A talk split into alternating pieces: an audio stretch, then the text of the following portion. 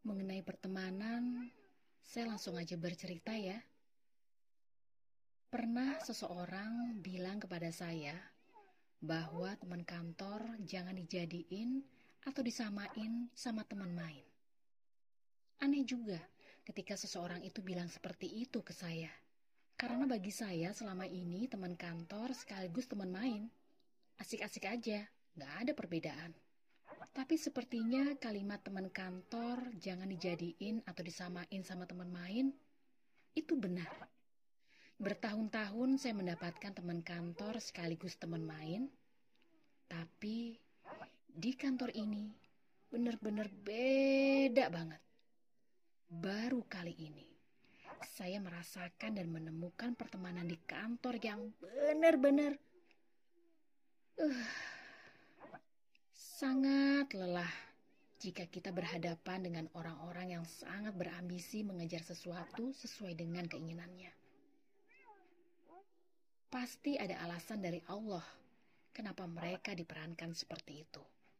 Ya, orang-orang itu berusaha tampil cantik dan manis ketika berhadapan dengan orang yang memiliki posisi atau jabatan tinggi, salah satunya ketika berhadapan dengan atasannya tampil cool dan bertanggung jawab ketika memainkan perannya, namun menekan temannya. Inilah yang saya alami beberapa tahun. Mungkin situasi ini terjadi juga di kantor lain, dan mungkin udah biasa. Tapi ini benar-benar beda banget. Ini benar-benar beda banget. Ini benar-benar... bagi sekelompok orang yang telah bekerja dengan lurus dan sepenuh hati, sangat-sangat lelah dan perih rasanya diperlakukan tidak adil oleh teman sejawatnya sendiri, bahkan manajer kantor. Iya, saya baru bekerja kurang lebih tiga tahun yang lalu. Tapi bukan berarti saya selalu dipelonco dalam pekerjaan saya. Jadi di kantor ada dua senior saya, cowok dan cewek. Yang cewek sangat senior dan cowok senior kedua walaupun usianya lebih muda dari saya. Suatu ketika ada pekerjaan senior cowok yang di handover ke saya dengan file yang gak lengkap dan kurang lebih berantakan. Dan oleh manajer saya, seorang wanita, saya diminta untuk merapikannya. Karena beliau bilang pekerjaan itu udah di saya.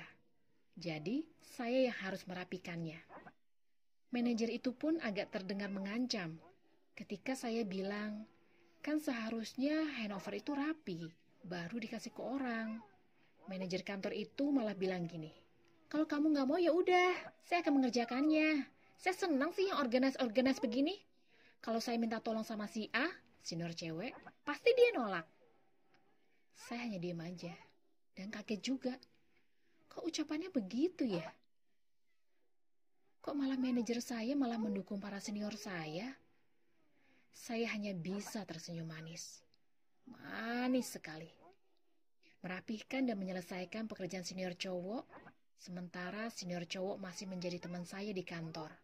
Senior cowok itu hanya diem aja ketika manajer kantor meminta saya untuk merapikan.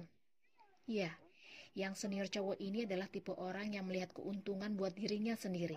Jadi lebih baik dia diam Rasanya luar biasa sakit. Yang akhirnya saya selesaikan tugas tersebut dengan air mata.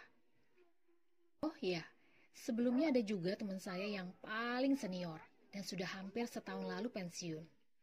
Dan saya diminta oleh atasan saya untuk merapikan data teman saya yang pensiun itu mulai dari tahun 2000-an. Hampir 20 tahun yang lalu. Data ini berupa dokumen yang berantakan banget. Dokumen itu akhirnya saya bawa pulang. Dengan niat saya pilah-pilah dulu dan rapihkan. Jujur, ngelihat tumpukan dokumen itu rasanya enak banget. Selama ini teman kerja saya yang sudah pensiun itu ngapain aja? Saya nggak langsung milah-milah. Saya tenangkan diri saya dulu. Kadang bilang ke diri sendiri, ini gak adil. Ini gak adil. Akhirnya pelan-pelan saya rapihkan. Walaupun sampai alergi debu saya kambuh. Ya iyalah kambuh. Itu dokumen 20 tahun yang lalu dan saya harus pilah-pilah. Jujur, ketika menulis cerita ini, sakit yang saya rasakan masih terasa. Ya, faktor like dan dislike menjadi sangat dominan yang mengakibatkan tidak adanya sikap profesional dalam pekerjaan. Dan yang senior cewek dengan tipe orang yang tidak mau mengakui kesalahannya sendiri, mengeles, dan lain-lain, karena tidak ingin reputasinya turun. Yang akhirnya saya mengakui kesalahan senior cewek tersebut kepada atasan saya, walaupun itu bukan kesalahan saya. Kenapa saya bersikap seperti itu? Karena saya nggak mau ribut. Titik. Terkadang memang orang melihat orang lain itu seperti dirinya sendiri. Tapi kali ini Anda salah, senior cewek. Saya tegaskan, saya bukan Anda. Oh ya, di lain hari, ada sebuah pekerjaan yang dititahkan kepada saya, yaitu buat video. Jujur aja, belajar editing video benar-benar baru saya pahami setelah ada instruksi. Karena di pekerjaan ini memang harus multitasking. Istilahnya, lo harus bisa semuanya. Itu yang saya rasakan. Dan ketika video itu jadi, ada salah satu atasan saya tanya, siapa yang buat videonya? Senior cewek saya langsung bilang, ada tim yang mengerjakan. Padahal di situ ada saya yang duduk persis di samping senior saya. Hello, video itu saya yang buat mulai dari ide, konsep, itu mahal sis. Di waktu lainnya, ketika ada pekerjaan video, kembali dititahkan senior cewek kepada saya. DVD aplikasi editing yang mudah untuk pemula sudah saya beli. Saya install di kantor, agar saya bisa bagi waktu untuk pekerjaan edit dan pekerjaan lainnya. Pagi-pagi sekali saya berangkat, karena suasana kantor masih sepi kalau pagi. Jadi agar saya mudah untuk ngedit. Dan sekitar jam 10-an pagi saya baru mengerjakan pekerjaan lain. Hingga di ujung waktu, senior cewek mengirim pesan kepada saya kalau tugas videonya diberikan saja kepada teman saya yang editor. Jujur, kaget banget ketika senior cewek itu bilang seperti itu.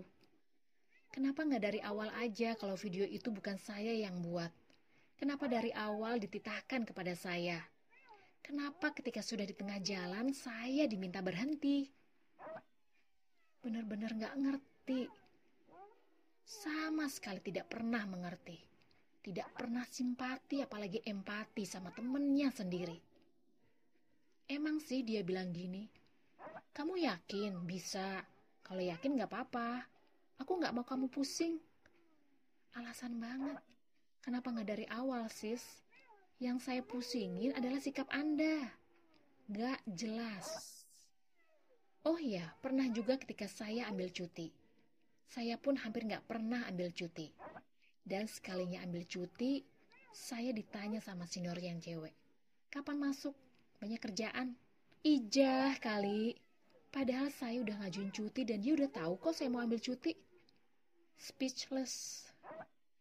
Dan kisah lainnya masih banyak yang bisa dibilang, mohon maaf, zolim sama teman kantornya sendiri.